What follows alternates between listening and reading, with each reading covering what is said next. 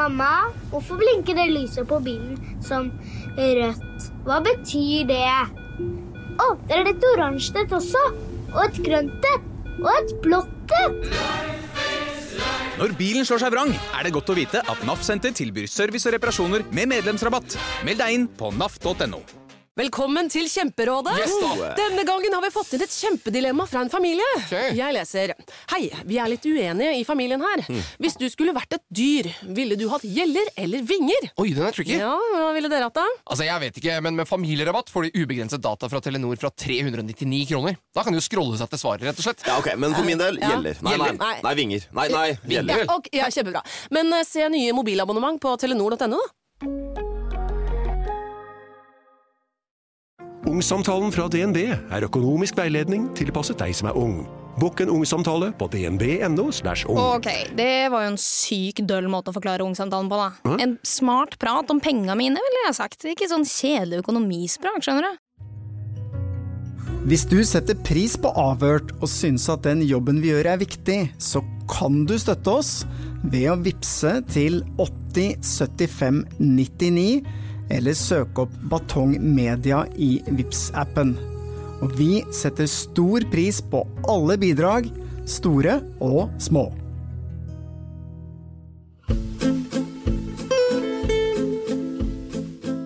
Hallo igjen, ja. Hører du på fortsatt? Ja, for nå har vi faktisk kommet til siste episode. Helt fra starten så har vi stilt spørsmålet Er det likhet for loven? Helt på tampen av denne serien så kan vi si enda sikrere enn før at det nok ikke stemmer i Sør-Øst politidistrikt. I hvert fall ikke når det gjelder tidligere ansatte i politiet. Dette her, det er fortsatt historien om kongen av Kongsberg. En tidligere høyt ansett politimann som angivelig ikke har gått av veien for å svindle, bedra og utnytte venner, familie, tidligere kollegaer, ansatte og det offentlige Norge i 20 år. Han har blitt anmeldt 23 ganger, men politiet de henlegger visst alle sakene mot ham. I denne podkastserien har vi sett nærmere på forretningsvirksomheten til denne ekspolitimannen, og vi har avdekket forhold som ikke bare er ulovlige, men i verste fall kan ha ført til at mennesker har blitt alvorlig syke. Vi har gitt ekspolitimannen tilbud om å fortelle sin egen historie i podkasten, og han har fått mulighet til å høre denne episoden. Men han ønsker ikke å snakke med oss.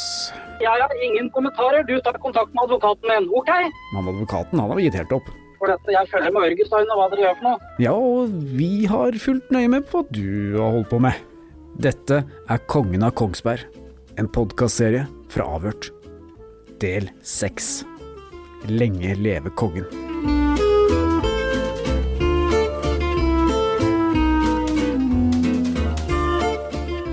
Er Morten, i løpet av eh, disse episodene her, eh, og disse ukene og månedene som vi har jobba med kongen av Kongsberg, så har vi jo blitt kontakta av veldig mange folk som har eh, behov for å dele sine historier med oss.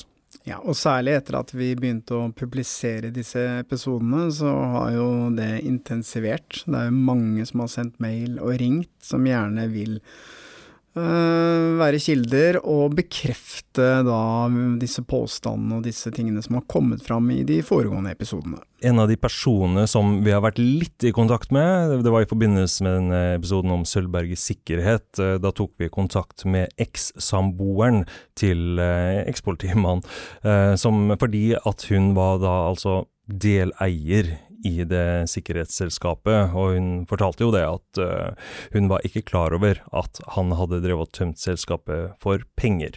Men i etterkant av å ha hørt disse episodene, så har hun igjen eh, tatt kontakt med oss og fortalt oss altså en historie om eh, den gangen hun fant et våpen hjemme hos seg selv. Det første våpenet jeg oppdaga, det var, var vel våren 2015. Da fant jeg en eh, hagle liggende på et uh, klesrom som eh, eksen min disponerte i husets andre etasje. Han fortalte at det var en hagle han hadde tatt sivilt beslag i fra en, um, en lege ute på helsehuset. Sivilt beslag, kan du forklare meg hva det er for noe?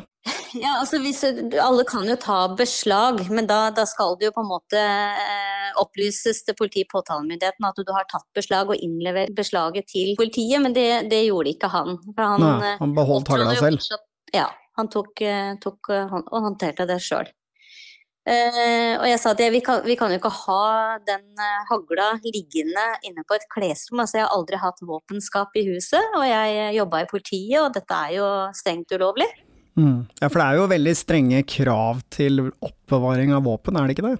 Jo da, det er kjempestrengt for, for alle andre. Det Mm. er det. Så, så jeg eh, ba han om å fjerne den hagla, eh, hvorpå politiet i Øvre Eiker tok kontakt med legen og fikk han til å komme ned eh, på lensmannskontoret med det våpenet. Så ble han avhørt, eh, og han fikk et eh, forelegg etter det jeg har opplyst for, for det forholdet, og de inndro våpenet. Så legen fikk et forelegg, men eh, hva med den eks-politimannen, eks-samboeren din, da, som tross alt hadde oppvart dette våpenet i lang tid uforsvarlig? Ja, nei, han, han fikk ikke noe øh, på det tidspunktet. Men så oppdaga jeg jo øh, Altså, vi, han flytta ut i oktober 2015. Og under opprydning da så oppdaga jeg ett og et halvt år seinere en, en gammel tjenesterevolver, en Smith Wesson 38 kaliber, som han hadde gjemt i et klesskap sammen med ganske mye ammunisjon. Gjemt det i et klesskap. Ja. På det samme klesrommet. Den hadde han gjemt, gjemt der, og da, da var det jo ett og et halvt år etter at han hadde flytta ut. Og som sagt, jeg har jo aldri hatt våpenskap i, i huset her, og jeg ringte da til den og lurte på om det var hans våpen, og det var det. Eh, Og jeg ba om at han viste frem våpenkort, og det hadde han ikke. Men den var, den var registrert. Det var den. Men uh, ikke åpenbart uh, forskriftsmessig, da. Altså, hvis du putter den i et klesskapsammunisjon, så er det jo det er en viss mulighet for at noen barn kunne ha funnet det og, og kanskje synes at det var spennende. Ja, det er jo kjempealvorlig. Når du tenker på bakgrunn også som, som politimann, så er det jo eh, ekstra skjerpende, spør du meg, da. Jeg syns jo dette her var, var skikkelig ille, så jeg sendte inn da eh, den anmeldelsen. Jeg skrev en anmeldelse sjøl, men de gjorde heller ingenting med det. Eh, Bare, bare henla saken, eh, og gjorde ikke noe med våpensaken. Men du har jo eh, vært midt oppi mye av disse tingene som din eks-samboer, denne eks-politimannen, har holdt på med i mer enn 20 år. Hvordan har det vært for deg? Det er, det er helt, helt forferdelig å oppdage alt han har gjort. Og ingen som gjør noe for å, for å rydde opp i det så langt. Det er, det er helt forferdelig. Du er jo, har jo selv jobbet i politiet i mange år, og hva tenker du om at den etaten som du jobber i, overhodet ikke er interessert til å etterforske en av sine egne, hvis man kan kalle det det? Ja, nei, det, det er for meg helt uforståelig eh, hvor langt også politiledere kan gå her i, i å dekke over egne kritikkverdige forhold i etaten. Vi er 15 fornærma som har anmeldt saker i dette komplekset. Og mange andre har jo på en måte latt det være når de ser hvordan har blitt behandla av politi og påtale. Den har omtrent amnesti hatt i Sør-Øst politidistrikt. Men du, er det likhet for loven, eller? Nei, det er det dessverre ikke. Jeg får jo inntrykk av at den eh, eks-samboeren til ekspolitimannen, mange ekser her nå, eh, er en veldig sterk dame. Eh, vi vet jo veldig mye av det hun har gått gjennom gjennom alle disse årene da hun da var samboer med den ekspolitimannen, og i årene etterpå, for hun er jo knytta til flere av disse selskapene til ekspolitimannen. Jeg forstår det sånn at anmeldelsen mot ekspolitimannen for ulovlig våpenbesittelse, den har blitt henlagt. Det nå. Minner meg om en annen podkast. Men det som overrasker meg litt, er jo at politiet tar så lett på det at den bare ble henlagt. Fordi at Er det kom- lovlig? Er det lovlig Nei, det er å ha, ikke, ha våpen hjemme? Nei, selvfølgelig er jo ikke det lovlig. Det er jo kjempestrengt. Du skal ha våpentillatelse for hvert enkelt våpen, det skal være forsvarlig oppvart, det skal være innlåst osv. osv. Og jeg kom over en uh, nyhetsartikkel her på Eikernytt. Ja. Og dette er jo i samme politidistrikt, altså Sør-Øst politidistrikt. Mm. Og da ble altså en 58 år gammel mann dømt til 75 dagers betinget fengsel, samt inndragning av flere våpen. Uh, og eh, for å rett og slett ha gjort akkurat det samme, for å ha oppbevart våpen og ammunisjon uten å inneha gyldig våpenkort. Det ble betinget, da, bare så jeg har sagt, altså han slapp å sone, men uansett så kom det en straffereaksjon her. Og eh, det er jo da litt rart at de i dette tilfellet har etterforsket og tiltalt mannen og fått en dom for uh, oppbevaring av våpen og ammunisjon uten gyldig våpenkort, mens denne ekspolitimannen som har gjort akkurat det samme, da blir det bare henlagt.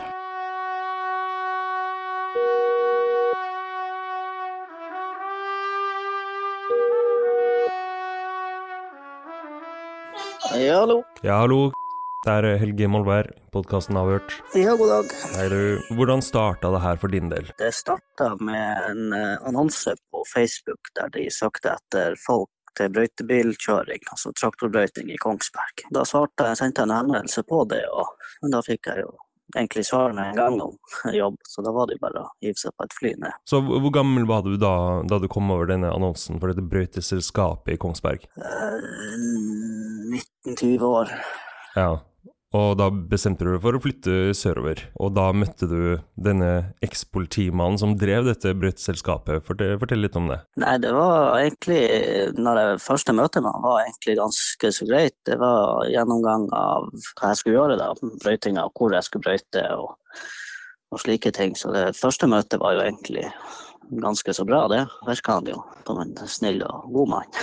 Mm. Så, så, så ble det vel egentlig Ja, det, det ble vel bare verre og verre etter det, egentlig.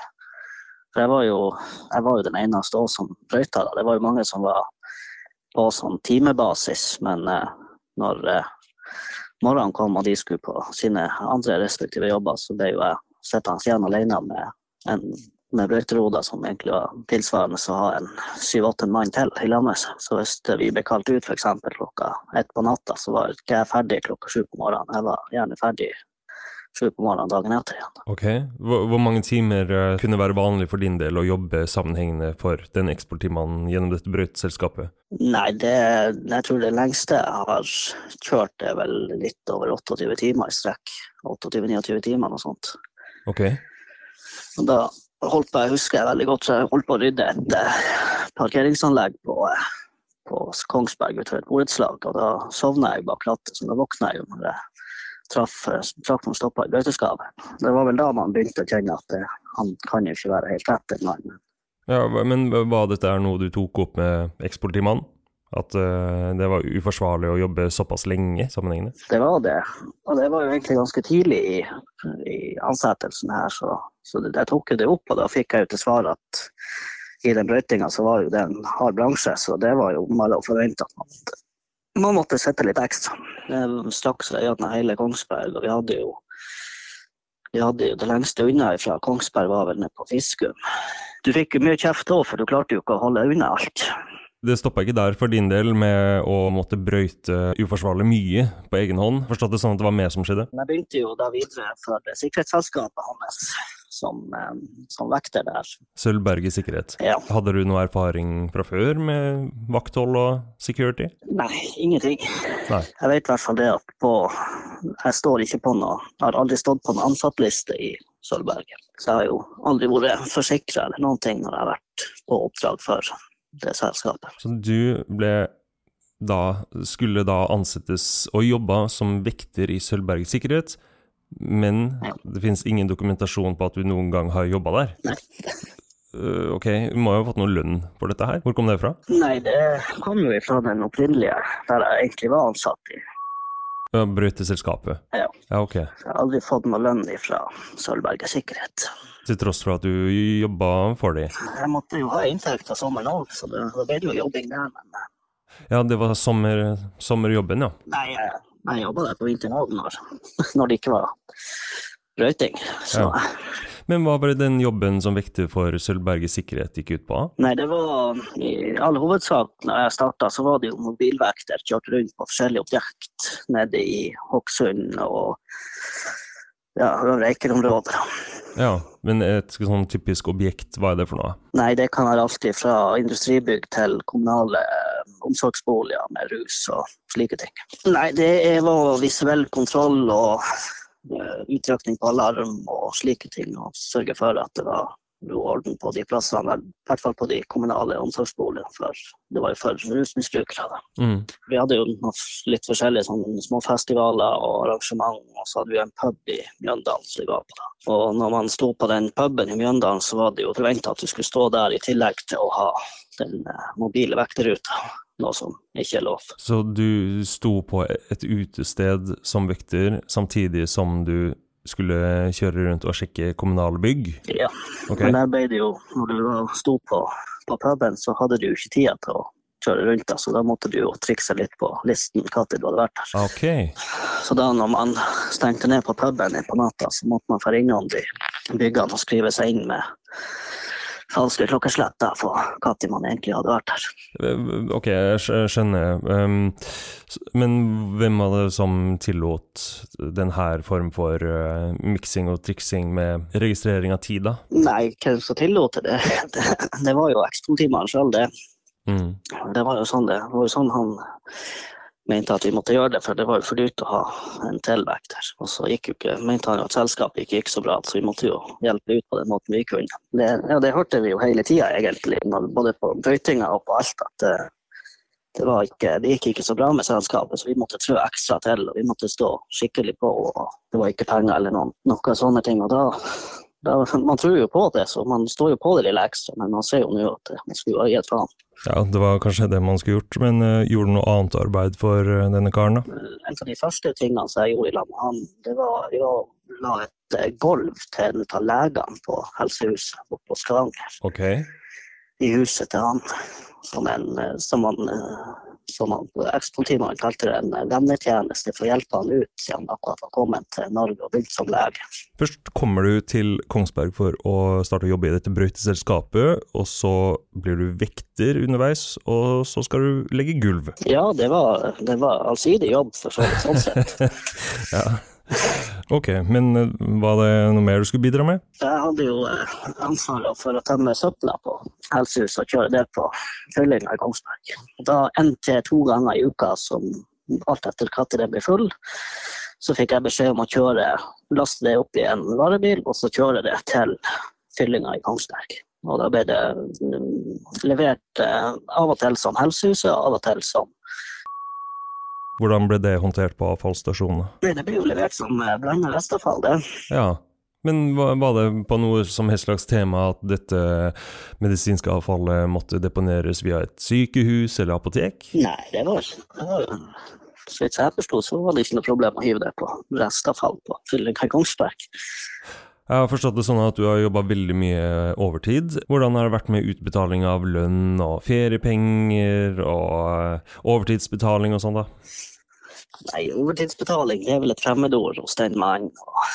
Lønn og feriepenger, det Nei, det følte jeg meg Jeg har vel ikke fått den lønnen jeg skal ha, og feriepenger det følte jeg meg egentlig tvungen til å si fra meg når jeg slutta der, i redsel for represalier fra den mannen. Dere hadde en, en prosess der. Ja, for jeg hadde jo ikke noe, noe arbeidskontrakt. Den arbeidskontrakten jeg skrev under på når jeg kom ned dit, den gikk ut etter et halvt år. Så jeg hadde jo ikke noe gyldig arbeidskontrakt, verken med brøyteselskapet eller Sølvberget Sikkerhet. Jeg har forstått det sånn at det her var noe du fant ut i etterkant. Du kunne i teorien gått på dagen, siden du ikke hadde en, en kontrakt. Men hva var grunnen til at du ikke fikk en ny kontrakt, da? Ja, jeg hadde jo etterspurt det, men han sa at det, den tydeligvis skulle fornye seg automatisk. Men jeg fikk jo aldri noe dokumentasjon eller bekreftelse på det, så det var jo en Men eh, det er jo samme som tidligere, at, at han har jo sagt det, at han var jo politimann, og det her kunne han. Så det, Man jo bare stole på det. Ja, og du var jo 19-20 år, og jeg vet ikke om du hadde hatt så mye arbeidserfaring i forkant av det her? Nei, det, det var vel egentlig Det her var vel, skulle vel være det store, flotte, seriøse arbeids, første, en av de første arbeidsforholdene man skulle ha etter man hadde hatt sånne småjobber, strøjobber her og der. Når denne politimannen, eller ekspolitimannen med 25 års erfaring forteller at uh, en kontrakt uh, fornyes automatisk, da eksempel, så var ikke det noe du reagerte voldsomt på? Nei, ikke der og da. Det er jo ikke før nå i ettertid at man egentlig innser hvor, hvor dumt det høres ut, men mm. der og da hørtes det jo fornuftig ut. I hvert fall når han sa det. Og så ønska du å avslutte arbeidsforholdet, ikke sant? Ja, for det, på slutten så var det jo veldig mye det vektergreia. På den mobilvekterruta så var vi jo Til slutt så var det jo bare Det var jo bare jeg igjen, egentlig. Og Det er jo en annen ting òg som som jeg stusser på nå i ettertid. Da Vi fikk jo aldri noe ID-kort som sa at vi var vektere heller. Og de gangene man ble stoppa av politiet, og sånn, så sa man jo bare at man jobba for Nordberg sikkerhet. Og da var det jo bare da var jo alt i orden likevel. Da var det jo ikke noe problem.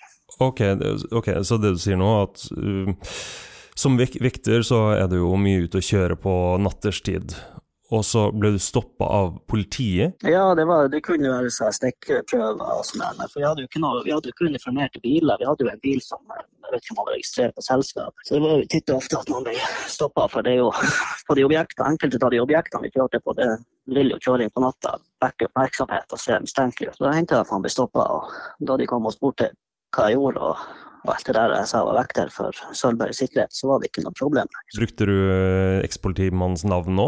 Overfor disse politikerne? Ja. ja. Da, det var som regel når hans navn i samråd med selskapet ble nevnt, at da, da var det ikke noe problem. lenger. Da kunne jeg egentlig bare gjøre sånn som jeg ville. Hvor lenge hadde du jobba for denne ekspolitimannen da du bestemte deg for å slutte? Nei, det var vel to og et halvt, nesten tre år ja.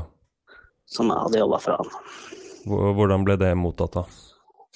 Det ble egentlig mottatt med at uh, han ble skylda for meg at det var veldig dårlig av meg å slutte, og at det kom til å koste selskapet dyrt. At jeg ikke, var, ikke tenkte på selskapet, men tenkte på meg sjøl. Ja, det er kanskje ikke så rart at du tenkte på det selv, for hvordan, hvordan var livet ditt disse to årene da du jobba for ekspolitimannen? Det høres ut som det var veldig, veldig mange timer med arbeid. Hadde du noe fritid i det hele tatt?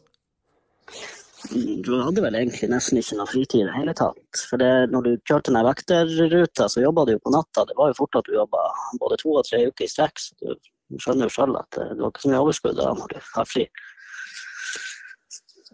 Så eh, når, når, når han sa de tingene der, når jeg leverte opp oppsigelsen og jeg sa at jeg ble færre på dagen, så ble han jo egentlig sint da, og fikk meg til å overklare på et eller annet magisk vis overtale meg til å å jobbe i tre måneder til. Da. Han ville jo etter de tre månedene at jeg skulle jobbe enda lenger. Han hadde ikke funnet noen til å overta for meg. Men eh, da, det var jo da jeg ble litt, eh, fikk, ble litt redd og dårlig samvittighet at jeg skrev ifra meg både lønn og feriepenger og alt. Til tross for at du ikke hadde en gyldig arbeidskontrakt, så du kunne jo gått på dagen, så fikk du dårlig samvittighet og endte opp med å jobbe tre måneder til, og i tillegg gi fra deg lønn og feriepenger. Ja. ja. Hvor, hva, hva, tenker du om det nå i etterkant, da? Nei, jeg, hadde jeg kunnet gå tilbake, så skulle jeg ha gjort det Skulle jeg gjort det annerledes. Skulle aldri ha, aldri ha vært her de tre månedene ekstra. Jeg skulle i hvert fall aldri ha sagt ifra meg lønn og feriepenger. Så, men det er jo lett å være etterpåklok.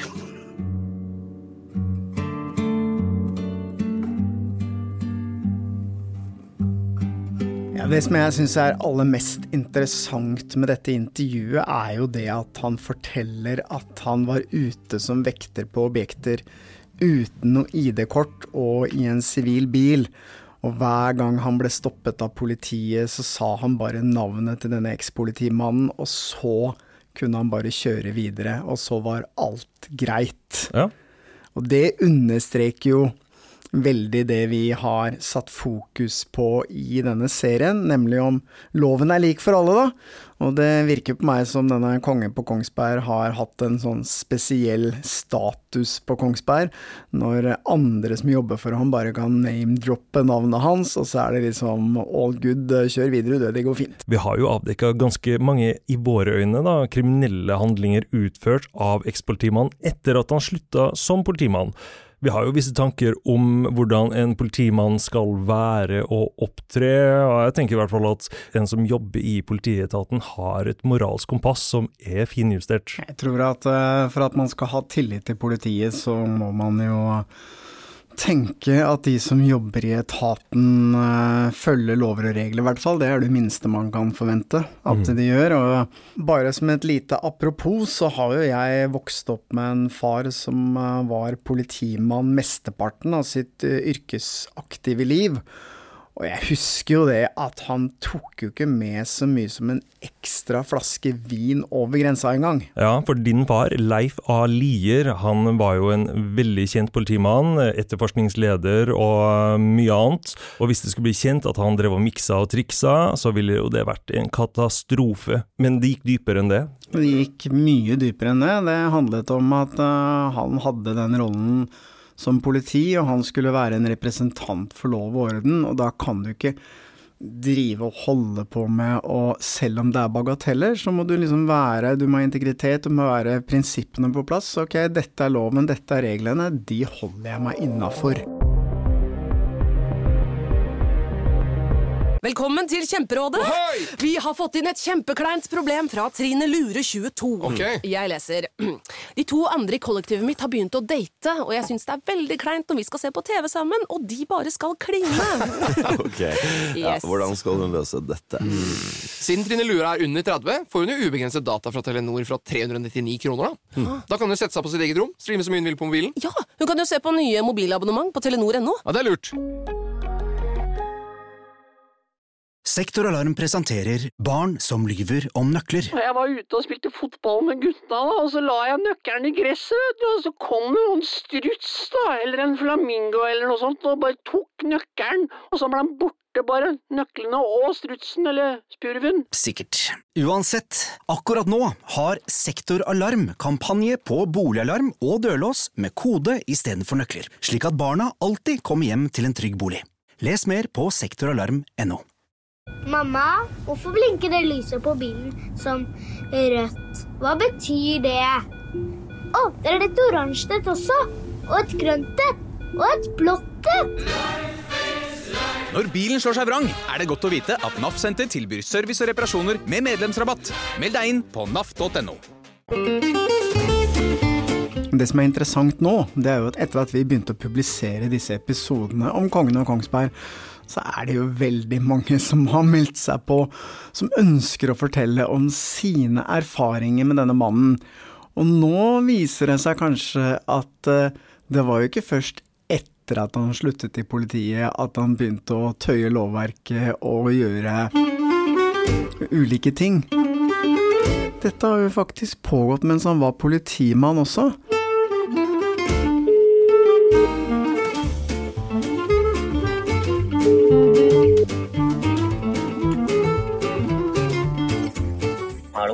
Hei du, dette er Stein Morten Lier som ringer du, fra podkasten Avhørt. Hei du, hei du. Nå er vi i opptak, jeg håper det er greit? Ja, det er i orden. Ja, så fint. Jeg forstår det slik at uh, du har jo hatt en, uh, et lite møte med denne ekspolitimannen uh, det er mange år siden, men det var jo da han fortsatt jobbet i politiet. Men kan ikke du fortelle litt om det? Jo, det kan jeg godt gjøre. Vi var jo sånn typisk guttegjeng som var eh, 16 år gammel og kjørte moped og holdt på litt rundt omkring. Så, Ikke noe uvanlig det? så drev de og bygde om den veien som går opp til Kongsberg nå, den E134. Ja, riktig. Og der drev vi og kjørte litt, liksom, for veien var jo, veien var jo åpen i gåsetegn, men han, var jo, han stoppa jo et sted, så vi fikk ikke kjørt til Kongsberg. Nei, så det ble på mange måter en sånn veistripe som man kunne kjøre på, men den var ikke åpen for vanlig trafikk. Helt riktig. Mm. Og det var jo guttestreker, liksom. Det var jo ikke noe kriminelt vi drev med. Nei, det vil jeg si. vi drev, vi kjørte opp og ned der på disse mopedene da, og liksom for å holde oss unna veien når vi holdt på med dette greiene. Mm. Og da var jo Vi var vel der ja, annenhver fredag liksom, på sånn fast klokkeslett, da, hele gjengen, og da sto det en politibil. Det blir vel der hvor eh, blir det? Omtrent der hvor den Circle K-stasjonen er nå. Når vi kjører ved bommen til Kongsberg der. Okay. Der sto det en politibil som kom kjørende kjempefort ut, da, ut på der hvor vi holdt på. Og bråstoppa og reiv, reiv opp døra på bilen og ut og liksom dro oss av mopedene og kjefta og styra på. Det var jo da han. Det var han, ok, så det Ja. var full utrykning. Men du sier dro dere av, altså han tok fysisk tak, Det sto liksom tak og dro oss i skuldra, da, i Mm. jakka liksom, og så kom her dere av, og nå må dere slutte, og ikke sant. Mm. Og trua med og sa jo da til oss at hvis dere fortsetter med det her, så får dere aldri førerkort, og dere får rulleblad. Og, og så sier han, liksom tar noe som er bort til bilen og greier, da, og sier at det, hvis dere, men det er, jo, det er jo en måte å komme seg unna det her på. Det er jo, han trengte jo litt liksom, lurt om vi hadde noe penger, da. Ok, han skulle ha betalt for oss å la dere slippe unna? Ja, det var jo han om det var, Hvor mye det var, om det var 500 kroner eller 1000 kroner, eller hva det var, for det husker jeg ikke, for at det er jo såpass mange år siden. Men vi hadde jo ikke noe penger. I hvert fall ikke jeg. Nei. Hvordan løste dere det da? Nei, jeg sa til henne at du får ikke noe penger av meg. Ok, men han foreslo i hvert fall så overfor dere at uh, denne saken uh, skulle løses litt i minnelig ordning hvis han fikk litt uh, penger av dere. Ja, det er helt riktig. Og Det er jo ganske rart at en politimann spør 16-17-åringer om penger, for vi hadde jo ikke noe penger. Nei. Hva tenkte du den, om den gangen da? Du var liksom 16 år gammel, du var bare en guttunge. Hva tenkte du liksom at politiet Altså det er jo sånt man eh, hører om i utlandet, men du tror ikke at det foregår i Norge? Nei, man får litt, eh, litt annet syn på, på politiet i ettertid, da. Som kanskje er litt eh, Du får jo et dårlig, det blir et dårlig forbilde, holdt jeg på å si. Mm. Så man kanskje tar med seg litt eh, Får litt, litt annet syn på politiet videre i livet, da, før man, det blir bevist noe annet. Det skjønner jeg. Fikk du en følelse av at dette var noe han uh, gjorde på regelmessig basis, eller at, han, uh, at dette var liksom vanlig praksis? Jeg veit ikke om han Nå det er jo lenge siden, da, så jeg husker jo ikke akkurat åssen han oppførte seg. Men jeg veit ikke om han holdt på sånn med voksne mannfolk, liksom. Hvis han stoppa dem i en trafikkontroll, det veit jeg ikke om han hadde tørt. Men vi var jo 16-17 da, og uskyldige og sikkert lette å utnytte litt. Så Jeg skjønner. Har du vært borti øh, etter det, eller? jeg har møtt den, Okay. men eh, ikke noe, ikke noe annet, liksom. Han har aldri Nå har jo ikke jeg gjort så akkurat så mye veldig mye gærent, da, så jeg har jo ikke hatt så mye kontakt med politiet. Men, Nei, nei, ikke sant. men jeg har jo jeg har møtt den i ettertid, bare sett den, liksom. Men jeg har ikke prata noe med den, nei. Men han Det var jo en to-tre ganger han sto der oppe mens vi holdt på, men det var jo liksom den ene gangen jeg husker at han kjørte ut med bilen og kom og liksom sto i røska og dro i oss og skulle ha penger, da. Men fikk dette noen konsekvenser for deg i det hele tatt? Ble det noe sak ut av det? eller? Nei, ingenting. Nei, det ble ingenting. Nei. Herregud,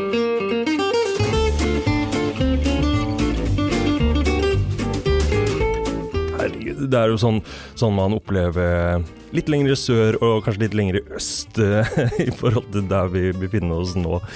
Stå der og be noen 16-åringer om å betale. Noen hundrelapper. Ah, det er ganske Eh, Jeg vil ikke kalle det for korrupsjon engang, det er jo det det er, men eh, det er mer Det er jo patetisk. Prøve ja. å presse noen 16-åringer for noen hundrelapper. Det er trist, altså. Det må jeg bare si. Men eh, selv om det ikke er sånn veldig, veldig alvorlig tilfelle av eh, det som vil gå under det å være eh, korrupsjon, da, så tegner det jo litt et bilde av hvordan denne ekspolitimannens eh, moralske kompass var justert, da. Ja, akkurat det vi har hørt nå er jo oppsiktsvekkende. Eh, hvis det var slik at denne ekspolitimannen misbrukte stillingen sin som politimann til å nærmest drive utpressing mot 16-åringer for egen vinning, så er jo det Det er ikke bare stygt, men det er jo, det er jo straffbart. Ja, det er litt sånn krampeaktig. Og hva forventer du da som voksen mann at uh, en 16-åring skal klare å hoste opp av uh, lomma der? Du jobber som politimann, og det er greit nok å gi en advarsel, og kanskje det er å dra det litt langt og si at de ikke kommer til å få tatt bilsertifikat og sånn fordi at de har kjørt på denne veien som ikke var ferdig. Det de minner meg om faktisk, er at for mange år siden så dro jeg til Moskva med et filmteam, og så eh, havna Og da du sjekka inn på hotellet, så de gi fra oss passene våre. Mm. Og så havna en lydmann havna liksom ti meter bak oss, og så ble han bare smukk stoppa av to politifolk som skulle se passet hans. Ja. Og når han prøvde å forklare at han ikke hadde pass, skulle de ha penger. Ja.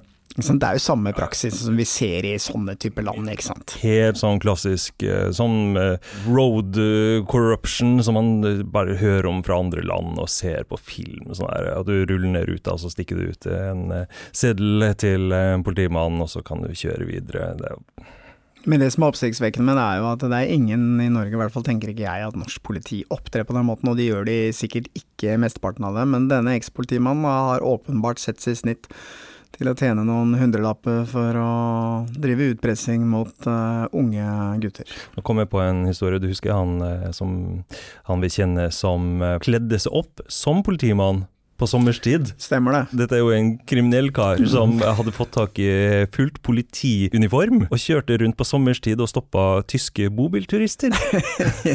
Ja. og, og, og de fikk tilbudet da om å gjøre opp på stedet. Men han var jo en kriminell som hadde så sitt snitt til å tjene ekstra penger. Her snakker vi om en fyr som på det tidspunktet jobbet i politiet. Nå er det nok om pensjonerte politifolk med pengelyst og skurker med fiktive politiskilt på sitt brøst. Vi tar kontakt med politiet i Sør-Øst.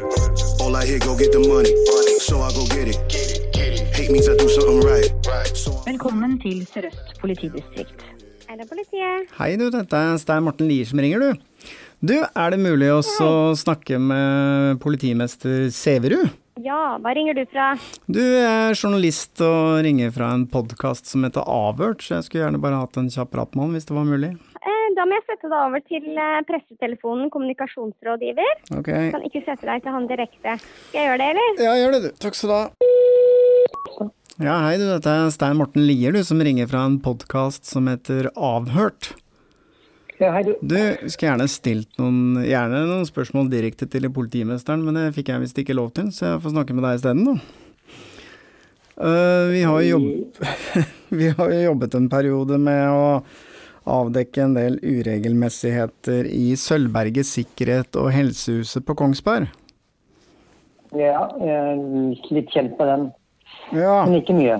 Ja. Ikke mye. Nei, det vi lurer litt på, er jo at det er et faktum at denne som er ansvarlig for disse virksomhetene, han er en tidligere politimann for øvrig, han har jo vært anmeldt 23 ganger i Sør-Øst politidistrikt, og alle anmeldelsene er jo henlagt. Og nå har jo statsadvokaten besluttet at flere av disse anmeldelsene skal omgjøres og etterforskes likevel, og da lurer vi jo selvfølgelig på hva slags kommentar dere har til det, at statsadvokaten overstyrer og eh, likevel eh, ønsker etterforskning? Ja, det er det som er spørsmålet ditt. Jeg har flere, men det er et av dem i hvert fall. Ja, ja, ja. Uh, altså uh, Jeg mente jo at du både har sendt mail og du har fått et svar for ikke så altfor lenge siden. Nei, det var nok NRK. Det var ikke oss. Det er første gang vi tar kontakt med dere angående disse tingene. Ok, ja. Ja. NRK har jo også laget et par reportasjer om denne saken. ja, ja. Nei, men, men øh, hvis det er første gang, kan ikke du formulere det som en eh, e-post, da? Og så skal jeg finne noen som kan svare ut. Ja, det var nå Sæverud som uttalte seg til NRK, da. Ja, men eh, det er jo litt avhengig av spørsmålsformuleringen, ikke sant. Hvem det er som egentlig eh, skal uttale seg. Og, og også hvis det skal til, til Sevegur, så vil han gjerne ha de spørsmålene eh, på en mail, og så skal jeg viderebringe det til ham. Det kan jeg gjøre. Det er ikke noe problem. Ok, ja, men da skal jeg gjøre det. Kjempefint. Takk skal du ha. Det. Hei. De hadde jo ikke så mye å melde over telefonen, men eh, du har fått en mail fra politiet nå. fått en veldig lang eh, mail eh, hvor det står 'viser til din henvendelse under' og henvendelse sendt fredag 14. april. Hva var det du skrev i din henvendelse? I min henvendelse så stilte jeg jo en del eh, spørsmål. Eh, vi ba om et intervju, og sa at det vi ønsker svar på er jo hvorfor ble ikke ekspolitimannen og andre ansatte i distriktet etterforsket for eventuelle skatteunndragelser i forbindelse med pyramidspillet, da. Og hvilke konsekvenser har det fått for ansatte i politiet som jobbet svart for sikkerhetsselskapet? Hvorfor er alle 23 anmeldelser mot ekspolitimannen henlagt? Hva tenker Sør-Øst politidistrikt om at det nå er besluttet av statsadvokaten at flere av henleggelsene skal omgjøres? Er det uheldige bindinger mellom ekspolitimannen og politidistriktet? Og vi har snakket med en tidligere lege ved Helsehuset som hevder at pasienter fikk vaksiner som hadde gått ut på dato, medfører en slik praksis straffansvar? Ja. Vi har kilder som mener at medisinsk avfall ble kastet som vanlig avfall for å spare penger, medfører en slik praksis straffansvar? Så det var jo konkrete spørsmål, da. Mange, men eh, veldig konkrete og skulle være greie å svare på. Men vi fikk jo ikke noen konkrete svar. Nei, hva skriver de? De skriver den aktuelle personen du spør om var ansatt i politiet fram til for ca. 20 år siden, og da i et av de fire politidistriktene som nå utgjør Sør-Øst politidistrikt. Hans tidligere samboer, som også er personlig involvert i mange av de aktuelle sakene, er fortsatt ansatt i politidistriktet. Dette er bakgrunnen for at vi ikke ønsker å stille til intervju. Bare stopp litt. Fordi at ekssamboeren, som vi jo har hørt fra tidligere, hun er jo medeier i dette Sølvberget Sikkerhet, og hun eh, fortalte oss om den gangen hun fant våpen eh, hjemme hos seg, som hun eh, da anmeldte, det ble henlagt. Det faktum at hun jobber i politiet, det er nok til at de ikke vil uttale seg om dette. Ikke vil ønske å eh, gjøre et intervju, ja. Og så kommer det masse greier om at politiet har som en viktig del av sitt samfunnsoppdrag å legge til rette for åpenhet i saker som etterspørres fra journalister i som research, som grunnlag for at media kan utføre sitt samfunnsoppdrag. Hva som er journalistikk og underholdning er ikke alltid lett å skille, Uh-oh. men hvis mediet som spør er redaktørstyrt, underlagt Norsk Presseforbund og Vær varsom-plakaten, vil det være knyttet opp mot et ansvar til at journalistiske normer og prinsipper følges. Jeg skjønner ikke helt hva de vil med det. En belæring tar det her som, da. Det høres nesten ut som at ikke de ser på oss som en seriøs aktør, og at det er mer underholdning enn journalistikk. Og at hun prøver å gi meg litt eh, opplæring eh, i det. Mm. Ja, Stein Morten, er det tid for selvransakelse? Hva er det vi egentlig driver på med her? Er det journalistikk, eller er det underholdning? Jeg vil si at eh, jeg alltid synes journalistikk er underholdende. Ser jeg en god dokumentar eh, som er journalistikk, så er jo det også underholdende. Eh, hva skal man si om klikkjournalistikk? Mm. Det har et snev av underholdning i seg, det også. Jeg må nesten tolke det som at politiet mener at denne serien her, eh, 'Kongen av Kongsberg', har vært underholdende, da, siden de mener at det hører til i underholdningskategorien. Nei, altså vi er jo historiefortellere, og vi ønsker å fortelle en historie. Men den historien er jo basert på fakta. Den er jo basert på kilder, på papirer, dokumenter osv. Så, og så, videre. så hvordan du presenterer det, har jo ingen Hva skal jeg si for noe? Du kan ikke si at dette er ikke journalistikk fordi at du forteller en god historie. Men selvfølgelig er det det, hvis du underbygger med fakta. Eller fordi at du forteller det på en humoristisk eh, måte, tidvis. Ja, men det er klart at eh, når man graver en sånn sak som dette, og får høre og intervjue folk som presterer å si ting som for meg er helt sånn hinsides, så kan vi ikke noe annet enn å begynne å le litt av det. Altså, jeg forstår ikke at det går an at seriøse aktører, f.eks. i et helsehus, presterer å sitte og si at eh, jo, vi tok opp spørsmålet om seksuell trakassering på et fellesmøte. Ingen rakk opp hånda. Og ja, hvem skulle da undersøke dette videre? Jo, den samme personen som er anklaget for å begå den seksuelle trakasseringen. Da kan man ikke la være å le. Det blir bare for dumt.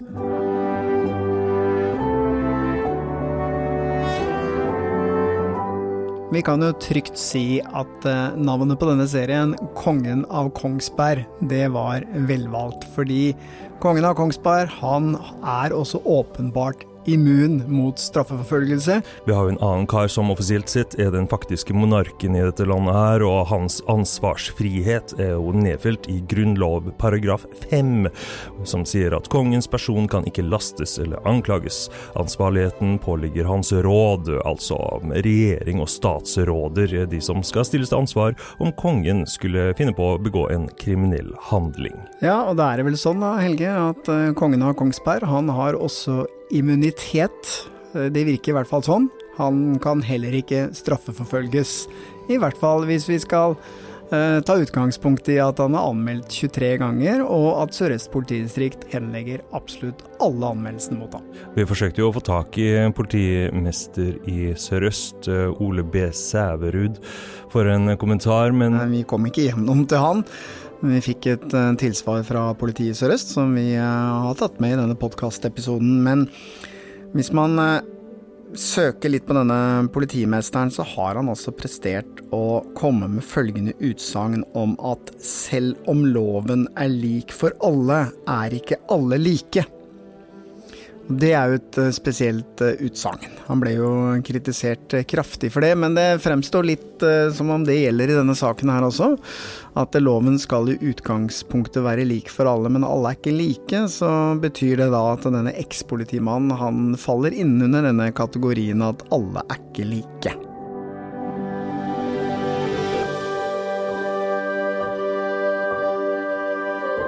Vi har vært i kontakt med ekspolitimannens advokat, som har fått mulighet til å høre hele denne episoden, men han har valgt å ikke komme med noe tilsvar. Avhørt er produsert av Batong Media. Redaksjonen vår består av Stein Morten Lier, Helge Molvær og Lars Christian Nygårdstrand. For å komme i kontakt med oss og se eksklusivt innhold, følg oss på Facebook og Instagram.